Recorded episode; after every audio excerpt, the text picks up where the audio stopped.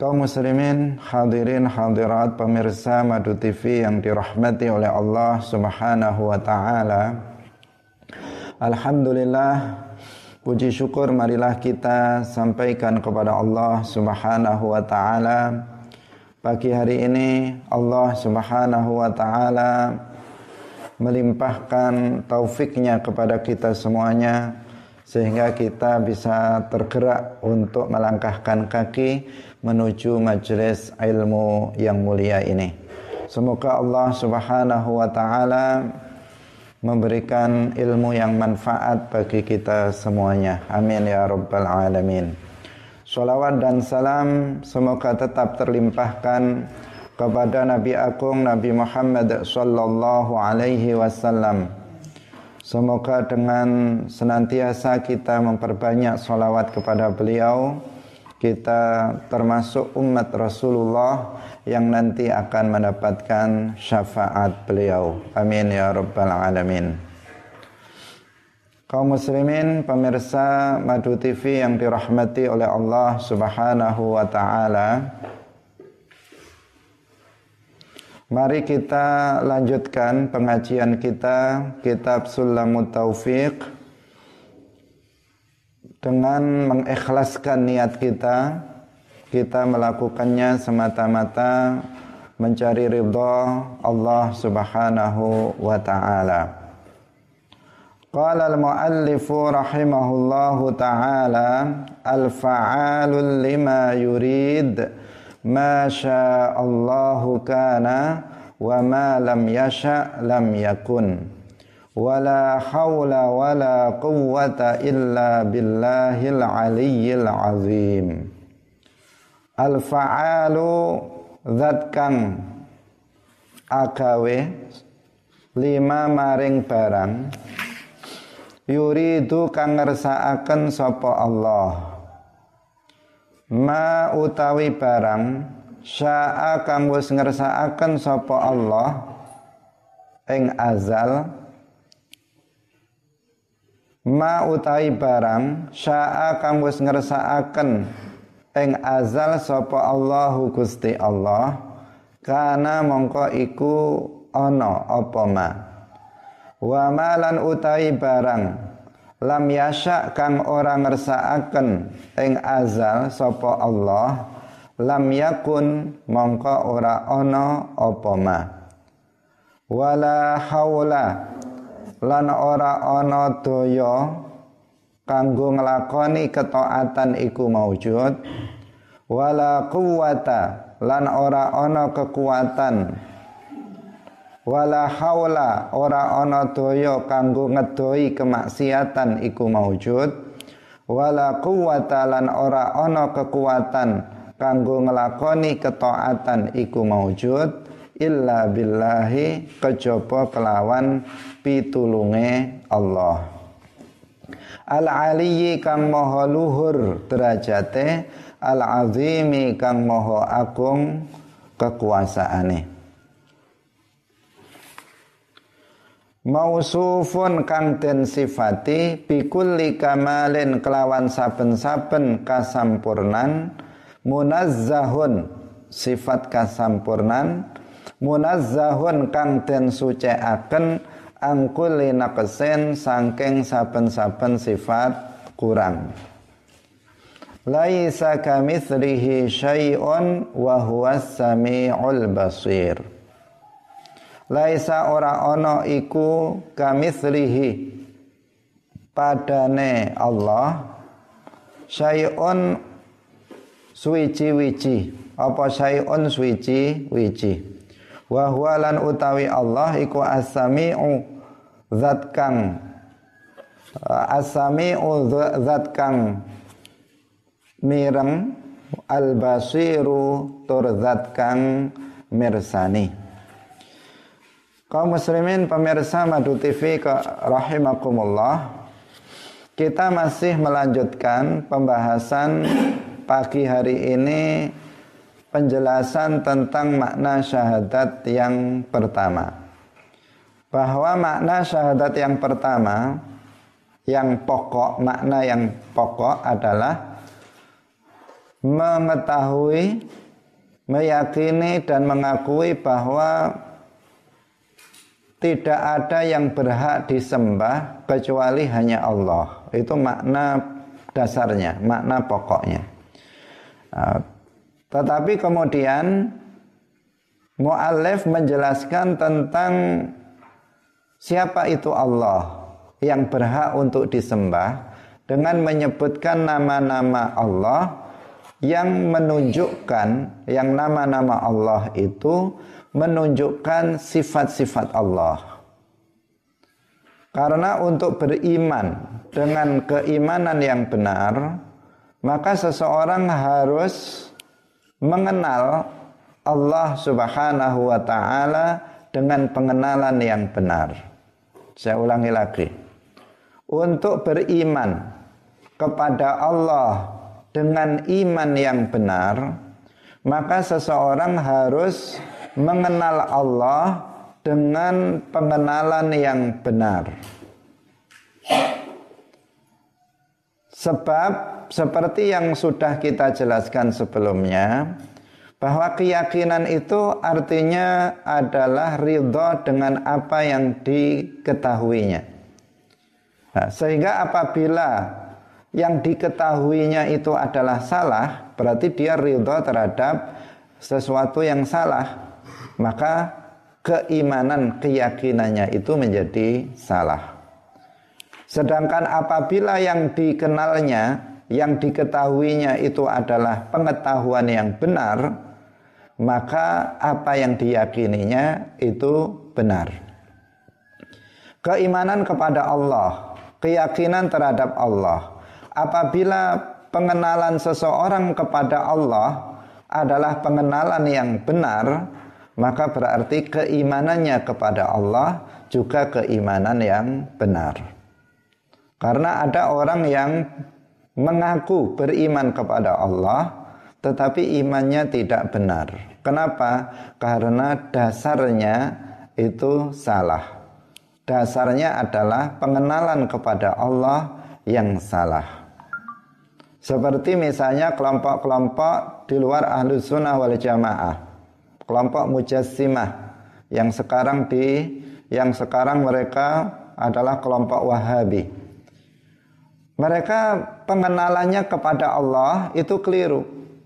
Mereka meyakini bahwa Allah yang mereka yakini sebagai Tuhan yang layak untuk disembah itu adalah zat yang berupa jisim, punya kepala, punya tangan, punya kaki, punya badan, duduk bersila di atas aras. Itu yang mereka kenal tentang Tuhan yang mereka sembah. Nah, artinya apa? Pengenalan mereka itu salah. Sehingga keyakinan mereka kepada Allah, keimanan mereka kepada Allah itu menjadi salah. Kenapa? Karena yang mereka yakini itu bukan Allah. Tetapi sesuatu yang mereka khayalkan ada berupa jisim di atas aras tetapi hakikatnya tidak ada. Maka mereka sesungguhnya kalau diurut-urut mereka itu sesungguhnya tidak menyembah Allah tetapi menyembah sesuatu yang tidak ada, yang mereka khayalkan ada di atas aras. Itu yang mereka sembah. Kenapa? Karena pengenalannya kepada Allah itu tidak benar.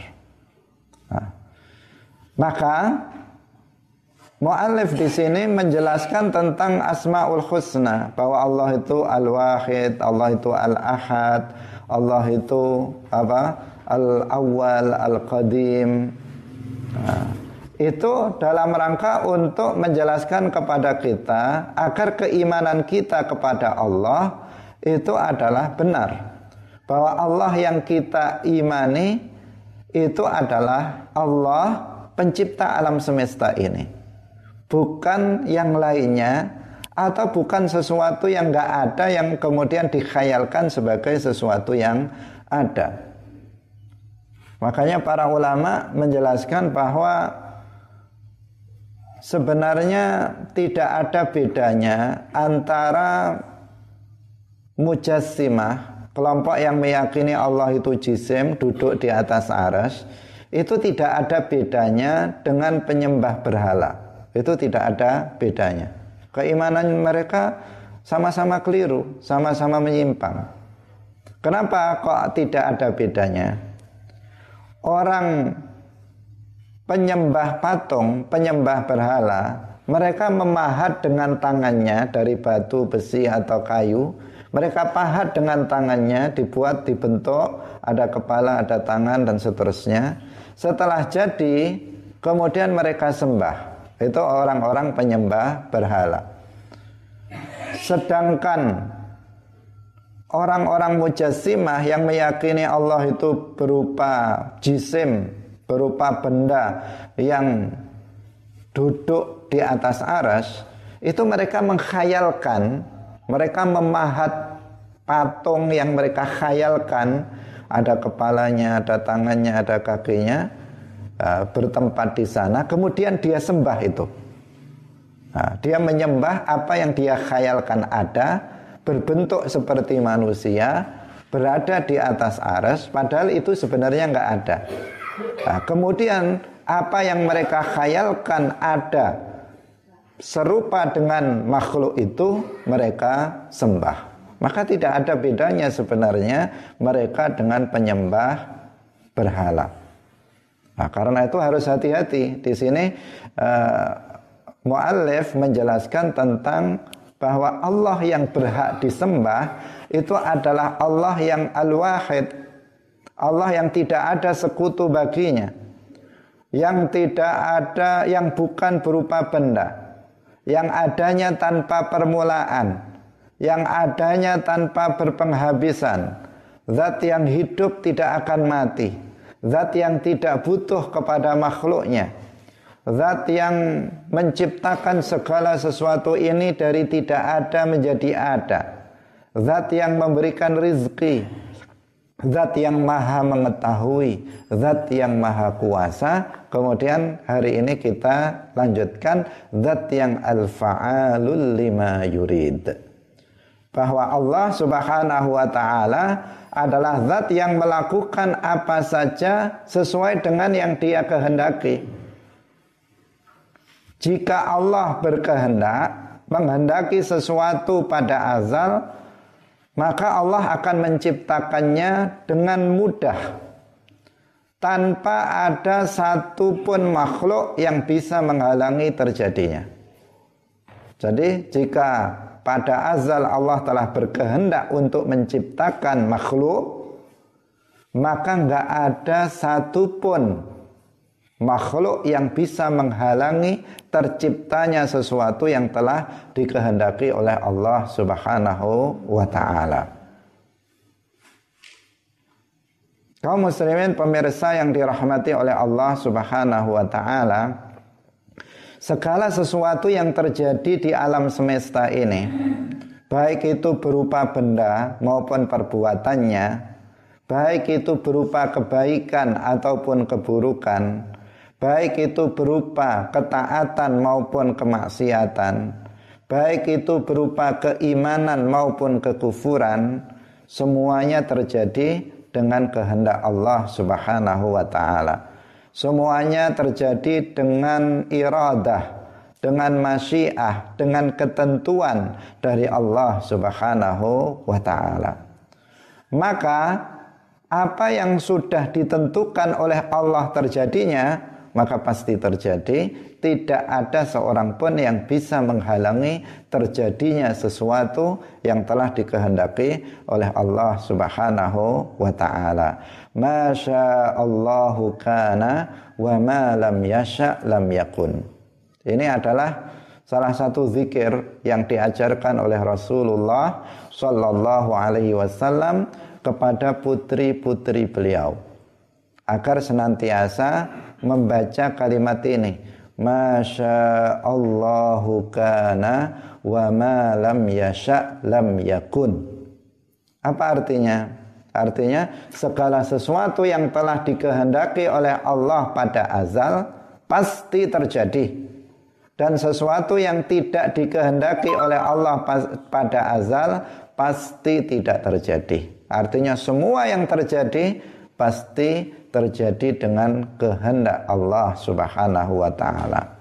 Terjadi dengan kehendak Allah artinya terjadi dengan taksis Allah. Terjadi dengan pengkhususan, terjadi dengan ketentuan Allah Subhanahu wa taala. Insya Allah setelah ini nanti akan kita jelaskan tentang sifat wajib bagi Allah. Nah, meskipun tidak tertulis dalam kitab Sulamut Taufik ini, tetapi ini adalah ringkasan dari apa yang kita sampaikan tentang nama-nama, makna dari nama-nama Allah Subhanahu wa taala yang kita terangkan kemarin dan hari ini. Pemirsa yang dirahmati oleh Allah Subhanahu wa taala, ini adalah prinsip akidah Ahlus Sunnah wal Jamaah. Semua yang terjadi adalah terjadi dengan kehendak Allah itu berupa kebaikan atau keburukan semuanya terjadi dengan kehendak Allah. Kehendak Allah itu artinya apa tadi? Ketentuan Allah. Allah sudah menentukan terjadinya, maka terjadi. Pemirsa yang dirahmati oleh Allah Subhanahu wa taala, ketika manusia itu berbuat ketaatan, misalnya sholat, puasa, membaca Al-Quran, bersodakoh dan lainnya, maka itu terjadi dengan taufik Allah.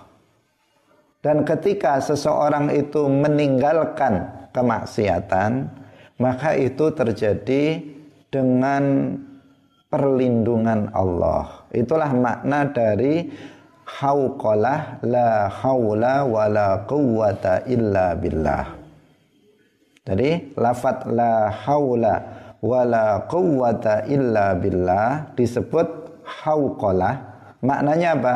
Tidak ada daya untuk meninggalkan kemaksiatan kecuali dengan perlindungan Allah dan tidak ada kekuatan untuk bisa menjalankan ketaatan kepada Allah kecuali dengan pertolongan Allah, kecuali dengan taufik Allah Subhanahu wa taala.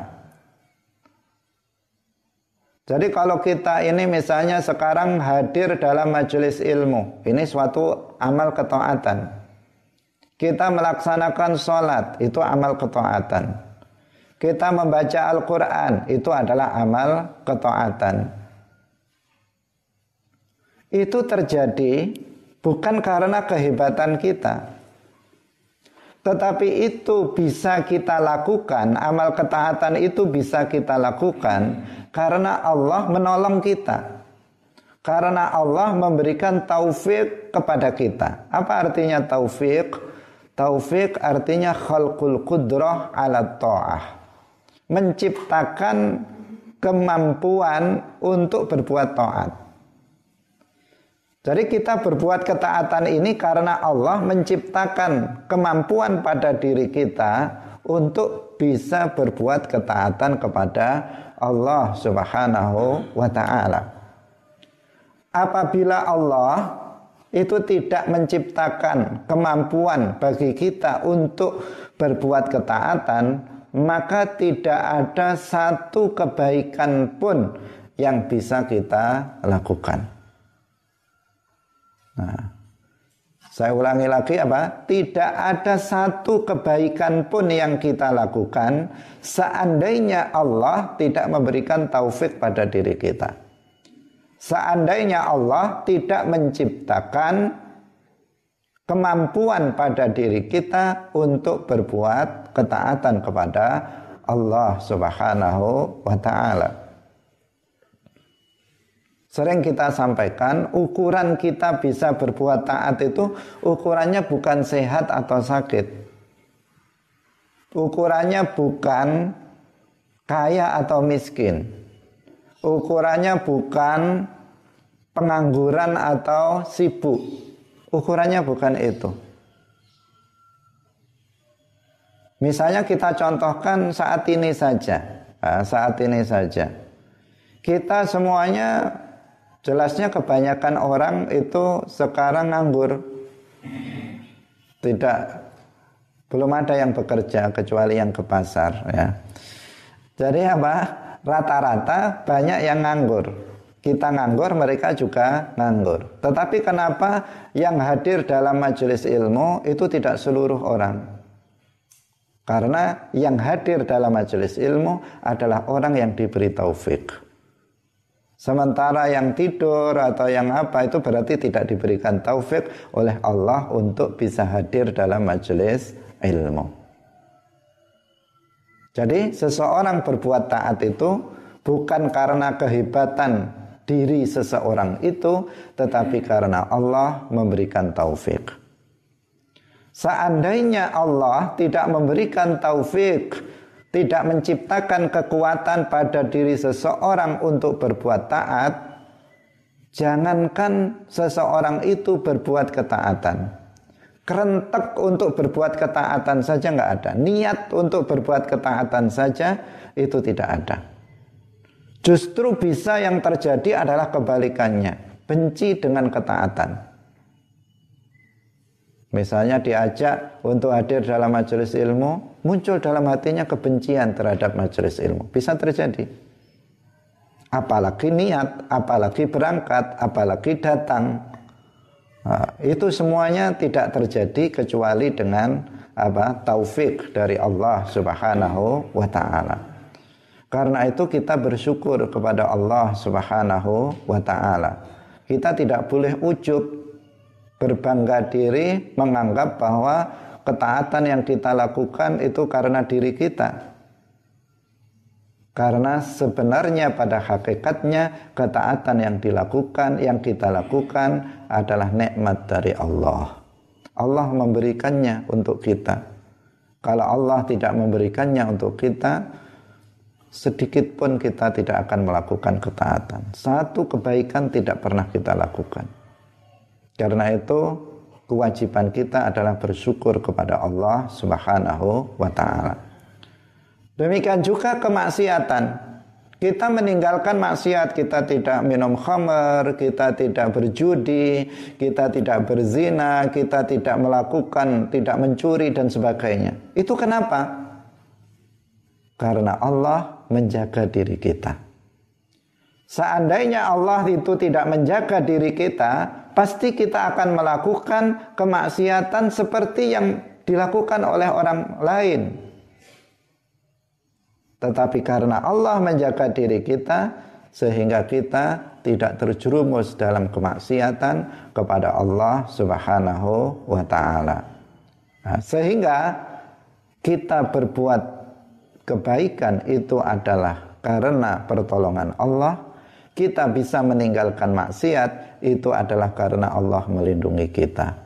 Nah, Kewajiban kita selanjutnya adalah bersyukur kepada Allah, bukan malah sombong dengan amal yang kita lakukan, bukan malah ujub dengan amal yang kita lakukan. Karena kita tidak ada apa-apanya apabila kita tidak diberikan taufik oleh Allah Subhanahu wa taala. Allah yang memberikan taufik kepada kita, Allah yang memberikan pahala atas amal itu Padahal amal itu Allah yang memberikan taufiknya kepada kita.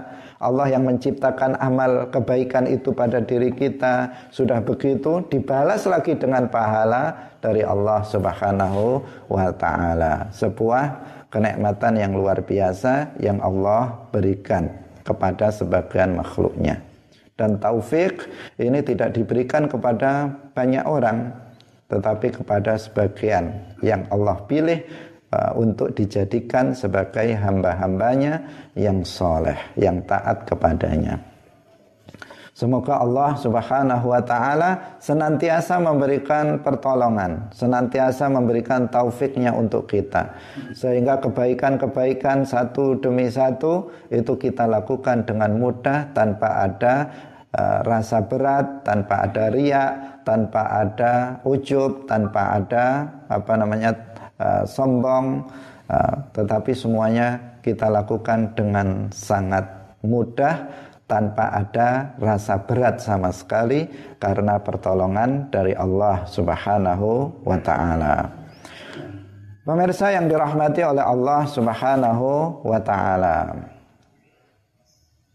Al-Aliyyil Azim Allah itu zat yang maha luhur, yang maha tinggi. Tinggi di situ bukan berarti tempatnya di tempat yang tinggi sana, bukan. Al-aliyyi artinya yang tinggi derajatnya. Karena sebagian ada yang salah paham ketika Allah maha tinggi, dia kemudian menganggap bahwa Allah berada di tempat yang tinggi di atas langit, di atas aras. Ini keyakinan yang menyimpang.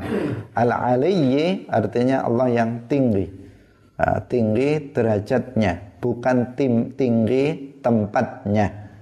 Al-azim yang agung, yang agung di sini adalah agung kekuasaannya. Bukan agung itu artinya besar badannya, bukan. Karena Allah bukan badan, Allah bukan jisim, Allah bukan benda. Nah, maka tidak dikatakan besar badannya ketika seseorang uh, takbiratul ihram dalam salat Allahu akbar Allah maha besar itu bukan Allah itu badannya besar. Tangannya besar kakinya besar kepalanya besar. Bukan seperti itu itu keyakinan yang sesat. Allahu akbar artinya Allah itu maha besar kekuasaannya. Nah, Allah itu lebih besar kekuasaannya daripada orang makhluk yang berkuasa. Sebagian orang diberikan kekuasaan oleh Allah, tetapi Allah adalah penguasa yang yang sesungguhnya karena so, tidak ada yang lebih besar kekuasaannya daripada kekuasaan Allah Subhanahu wa taala. Kaum muslimin pemirsa yang dirahmati oleh Allah Subhanahu wa taala. Mausufun Bikulli kamalin. Allah itu disifati dengan sifat sempurna. Sifat sempurna. Apa yang dimaksud dengan sifat sempurna? Sifat sempurna artinya adalah sifat yang layak bagi Allah. Sifat sempurna artinya sifat yang layak bagi Allah. Tadi Allah Subhanahu wa taala itu memiliki sifat. Itu keyakinan Ahlus Sunnah wal Jamaah. Berbeda dengan keyakinan kelompok Mu'tazilah. Kalau kelompok Mu'tazilah, mereka menafikan sifat. Mereka mengatakan Allah itu nggak punya sifat. Kalau kita Ahlus Sunnah wal Jamaah itu meyakini Allah itu punya sifat. Jelas di dalam Al-Quran banyak sekali ayat-ayat yang menunjukkan bahwa Allah memiliki sifat. Di antaranya surat Al-Ikhlas. Qul huwallahu ahad, Allahus samad, lam yalid wa lam yulad, wa lam yakul lahu kufuwan ahad. Semuanya menjelaskan tentang sifat-sifat Allah. Sababun nuzul dari ayat ini orang-orang Yahudi datang kepada Rasulullah. Mereka bertanya kepada Rasulullah dengan tujuan bukan cari ilmu tetapi untuk mengolok-olok orang Yahudi. Mengatakan ya Muhammad siflana rabbaka. Wahai Muhammad tunjukkan sifat Tuhanmu kepada kami. Setelah itu kemudian turun surat Al-Ikhlas. Qul huwallahu ahad. Allahu samad sampai akhir. Walam yakul lahu kufuwan ahad. Kemudian Rasulullah bersabda hadhihi sifatu rabbi. Ini adalah sifat Tuhanku. Allah menyebutkan sifat-sifat di dalam Al-Quran Sifat-sifat Allah di dalam Al-Quran.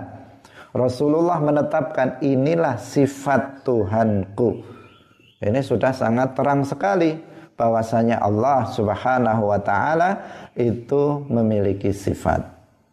Maka ahlu sunnah wal jamaah meyakini bahwa Allah adalah zat yang memiliki sifat. Hanya saja sifat Allah berbeda dengan sifat makhluk. Sifat Allah berbeda dengan sifat makhluk. Karena sifat Allah itu azaliyah abadiyah. Tidak berpermulaan, tidak berpenghabisan, tidak berubah-ubah. Sedangkan sifat makhluk itu hadisah. Hadisah itu artinya berpermulaan dan berpa, dan berubah-ubah. Itu sifatnya sifatnya siapa? Sifat makhluk. Misalnya kita memiliki sifat ilmu. Ilmu kita berubah-ubah. Dulu nggak tahu, bertambah, berkurang, uh, bertambah, kemudian lupa. Itu ilmu kita. Namanya ilmu yang hadis, yang baru, yang berubah-ubah. Sementara ilmu Allah tidak berubah-ubah ilmu Allah tidak berpermulaan dan tidak berpenghabisan. Allah mengetahui tanpa didahului oleh ketidaktahuan dan seterusnya. Ini apa? Ini Allah memiliki sifat, tetapi sifatnya berbeda dengan sifat makhluk. Nah, kaum muslimin pemirsa yang dirahmati oleh Allah. Nah, Allah itu disifati dengan sifat yang sempurna. Semua sifat Allah itu adalah sifat kesempurnaan yang layak bagi Allah.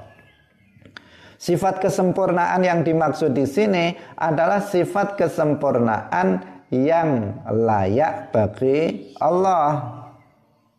Kenapa? Karena sifat sempurna itu tidak semuanya layak bagi Allah. Sifat sempurna itu ada tiga ada sifat yang sempurna layak untuk Allah juga layak untuk makhluk. Jadi kalau dinisbatkan kepada Allah, disifatkan kepada Allah, maka itu layak untuk Allah dan jika dinisbatkan kepada makhluk, maka sifat itu juga layak untuk makhluk. Misalnya adalah sifat ilm. Kita katakan Allah alim. Itu pujian kepada Allah, kesempurnaan bagi Allah. Kita katakan Zaid alim. Itu juga pujian kesempurnaan bagi manusia. Meskipun berbeda ketika kita mengatakan Allah alim atau alim itu berbeda dengan maknanya berbeda ketika kita mengatakan Zaid alim.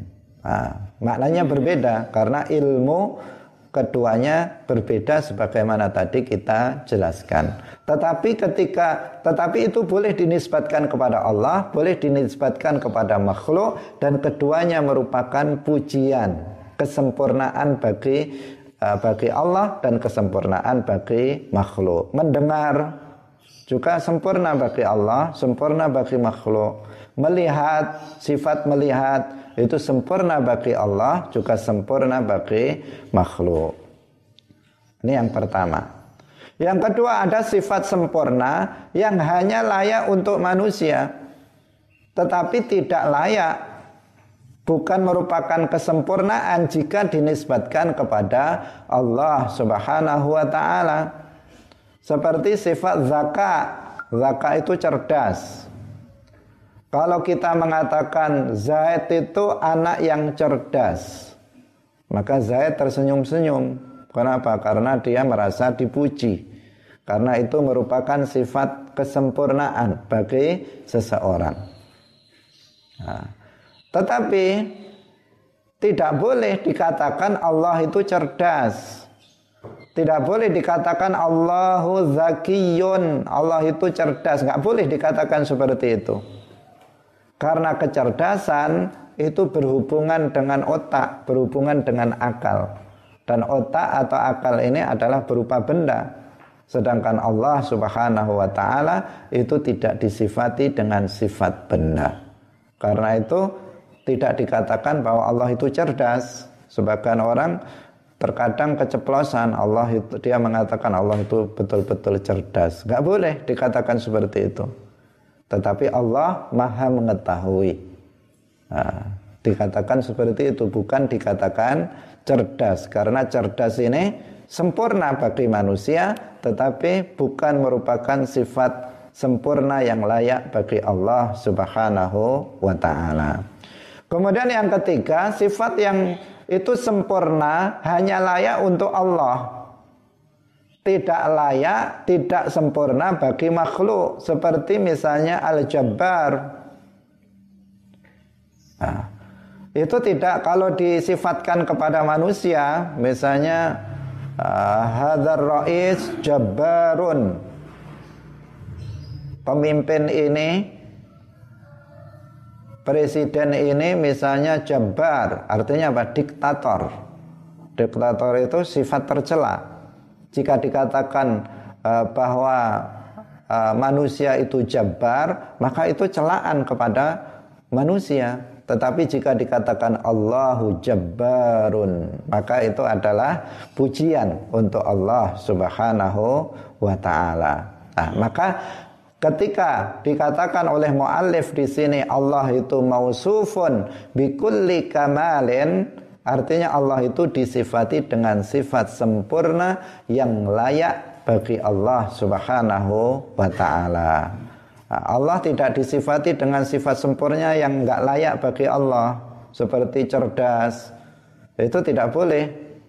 Nah, disifatkan kepada Allah tetapi Allah itu bersifatan dengan sifat yang sempurna yang layak bagi Allah Subhanahu wa taala karena itu nggak boleh bagi seseorang semaunya memberikan sifat kepada Allah Subhanahu wa taala dengan dalih itu kan sifat yang baik nah, Kenapa? Karena tidak semua sifat yang baik bagi manusia ketika diperuntukkan untuk manusia itu baik atau sempurna ketika dinisbatkan kepada Allah Subhanahu wa taala.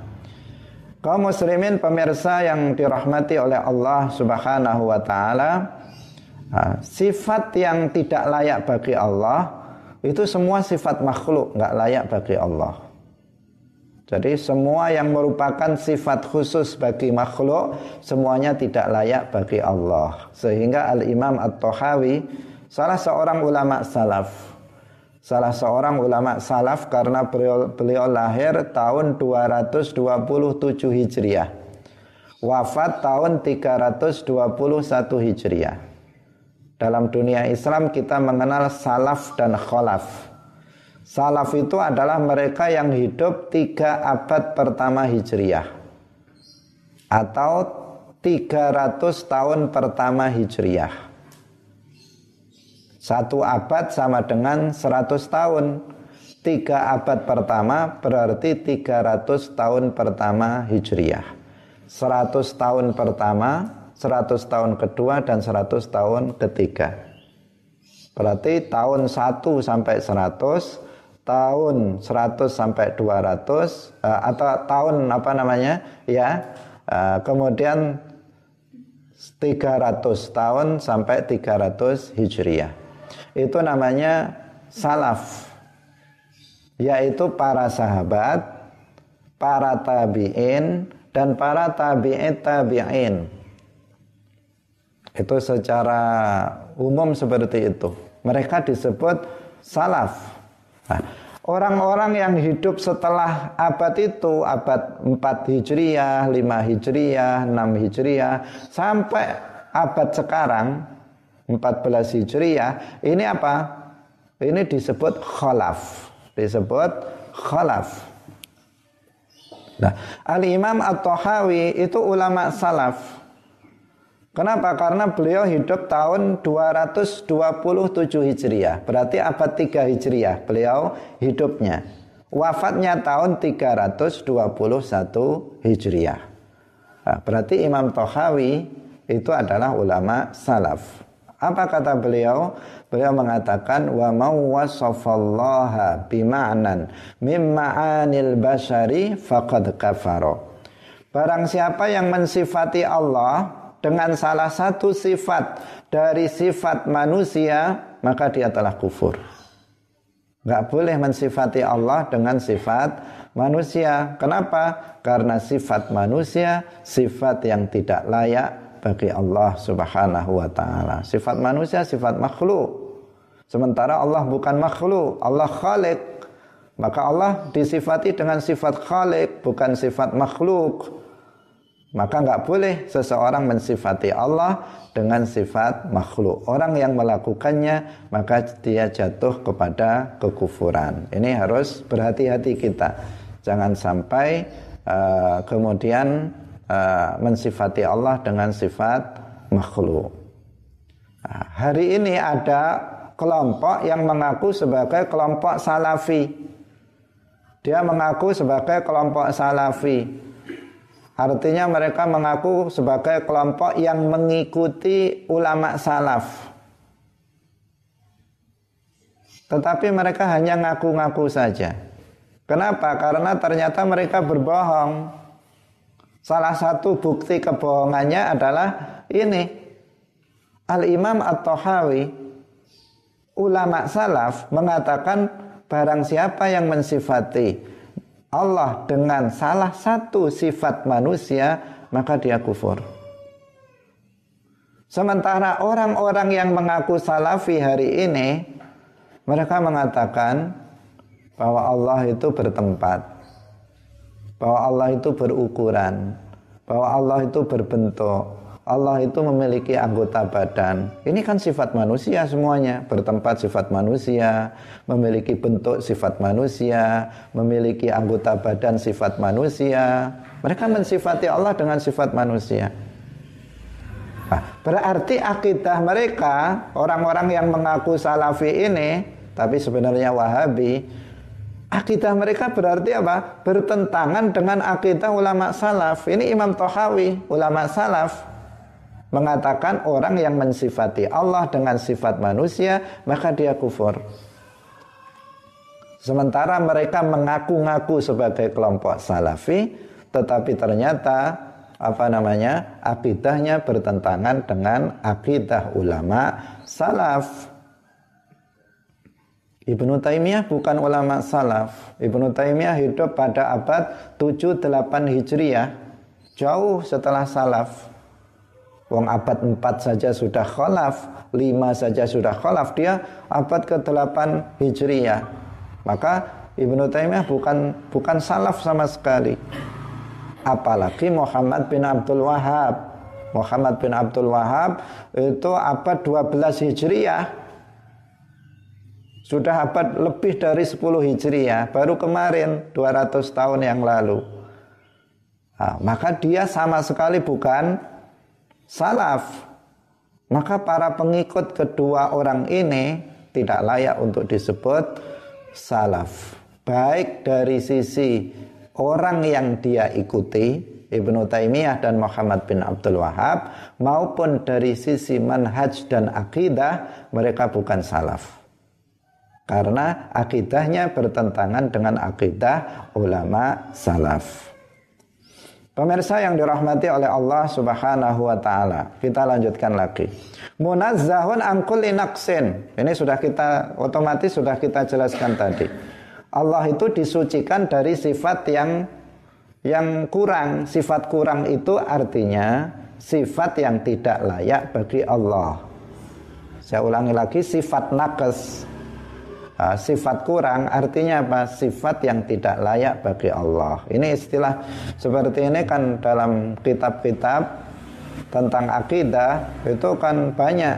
Kalau kita nggak memahaminya, apa maknanya ketika disebut nakes? Nakes artinya sifat yang tidak layak uh, bagi Allah alladzi la sifat yang tidak layak bagi Allah Subhanahu wa taala Ya seperti tadi semua sifat makhluk adalah sifat nakes, sifat yang tidak layak bagi Allah Subhanahu wa taala. Pemirsa yang dirahmati oleh Allah Subhanahu wa taala. Selanjutnya beliau uh, menyebutkan sebuah ayat Al-Qur'an laisa kamitslihi syai. Ini surat Asy-Syura ayat 11. Para ulama mengatakan Quran surat Asy-Syura ayat 11 ini adalah ayat yang paling jelas di dalam Al-Qur'an. Asrahu ayah fil Qur'an. Fi tanzihillahi ta'ala an musyabahatil makhlukin tanzihan kulliyan.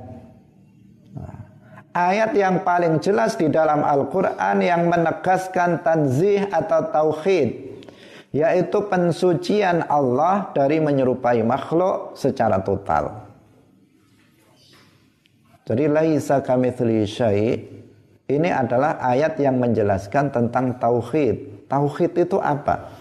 Tauhid sama dengan tanzih. Artinya adalah mensucikan Allah dari menyerupai makhluk. Itulah makna tauhid. Seperti yang dikatakan oleh Al-Imam Al-Junaid Al-Baghdadi. Beliau mengatakan at-tauhidu ifradul qadim minal muhdats. Tauhid itu adalah mengesahkan al-qadim yaitu Allah, artinya mensucikan Allah anil muhdas dari sifat makhluk. Itulah tauhid. Nah, ayat ini adalah ayat yang paling jelas di dalam Al-Qur'anul Karim yang menegaskan bahwa Allah tidak serupa dengan makhluk. Di dalam Al-Quran masih banyak ayat-ayat yang lain seperti walam yakullahu kufuwan ahad. Itu maknanya juga tauhid. Tidak ada seorang pun yang menyerupai Allah. Qul huwallahu ahad. Itu juga tauhid. Walillahil mathalul a'la. Itu juga tauhid.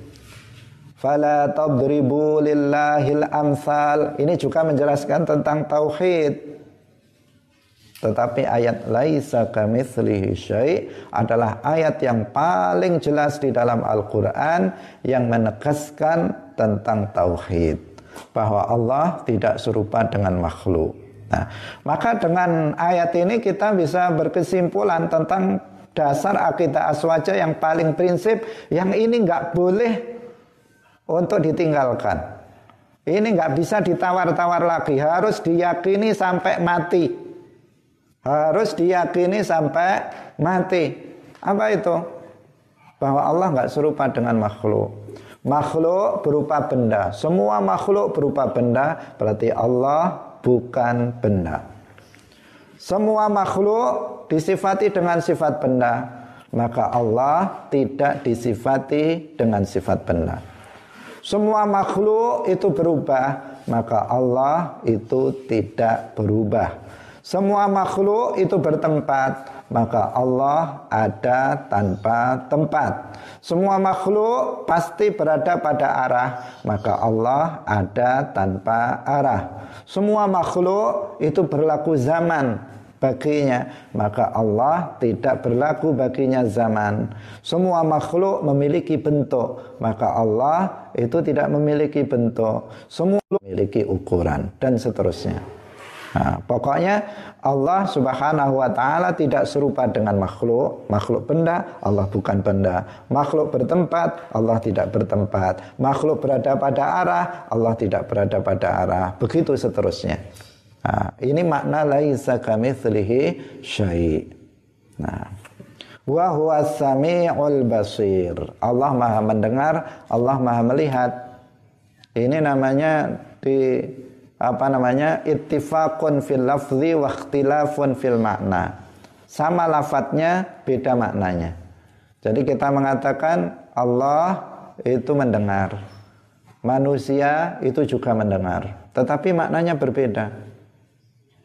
Ketika kita mengatakan Allah mendengar, maka itu adalah mendengar dengan sifat mendengar yang tidak sama dengan mendengarnya makhluk pendengaran Allah azali abadi, sementara pendengaran manusia itu hadis, beda. Allah maha melihat, makhluk manusia juga melihat. Tetapi hakikatnya berbeda, karena melihatnya Allah itu azali abadi, sementara melihatnya kita itu hadis. Nah, didahului oleh tidak melihat, kemudian melihat, kemudian tidak melihat lagi, dan penglihatannya terbatas. Nah, sementara Allah itu melihat segala sesuatu, uh, tidak ada sesuatu pun yang tidak uh, dilihat oleh Allah Subhanahu wa taala. Nah, jadi ini buktinya mana? Buktinya adalah ayat tersebut didahulukan ayat yang tentang tanzih. Jadi ayatnya laisa kamitslihi syai' baru wa huwas samiul basir. Untuk menunjukkan pertama ditegaskan Allah itu nggak serupa dengan makhluk. Maka ketika dikatakan Allah mendengar, berarti mendengarnya nggak serupa dengan mendengarnya makhluk. Ketika disebutkan berikutnya Allah melihat, maka berarti melihatnya tidak seperti melihatnya makhluk. Seperti itu. Ayatnya bukan dibalik, bukan wa huwa samiul basir, laisa kamitslihi syai, bukan begitu. Untuk apa? Untuk menegaskan bahwa pendengaran dan penglihatan Allah itu tidak serupa dengan pendengaran dan penglihatan makhluk. Nah, kaum muslimin pemirsa yang dirahmati oleh Allah Subhanahu wa taala. Nah, jadi kita beberapa hari ini memang masih membahas tentang ilmu yang paling dasar ilmu yang paling mendasar yang wajib untuk diketahui oleh setiap muslim yaitu tentang prinsip-prinsip akidah ahlus sunnah wal jamaah. Nah, hari ini kita tentang bagaimana kita mengenal Allah dengan pengenalan yang benar. Ini harus diperhatikan, harus uh, di apa namanya dipahami dengan betul-betul karena ini menyangkut tentang keimanan. Nah, memang bagian dari kitab Sulamut Taufiq ini, bagian yang pertama itu membahas tentang masalah akidah. Nanti bagian yang kedua baru membahas tentang ibadah, tentang sholat, tentang wudhu, tentang puasa dan sebagainya. Dan bagian yang terakhir dari kitab ini nanti membahas tentang akhlak. Nah, karena uh, ilmu akidah ilmu yang paling penting yang wajib untuk dipelajari oleh setiap muslim. Imam Ahlus Sunnah wal Jamaah Al-Imam Abdul Hasan Al-Ash'ari mengatakan awwalu ma yajibu 'alal 'abdi al-ilmu billahi wa rasulihi wa dinihi. Ah, ilmu yang pertama kali wajib untuk dipelajari adalah al-ilmu billah, yaitu pengetahuan tentang Allah. Bagaimana mengenal Allah dengan mengetahui sifat-sifatnya. Kemudian mengenal Rasul. Kemudian tentang agama. Jadi apa yang kita pelajari ini adalah ilmu yang paling afdol, yang paling utama. Karena itu kita harus menyimaknya dengan benar-benar, memahaminya dengan benar-benar, jangan sampai salah pemahaman. Nah, karena jika salah pemahaman maka bisa menyimpang dari uh, dari kebenaran dan itu akan mempengaruhi uh, sah tidaknya iman seseorang.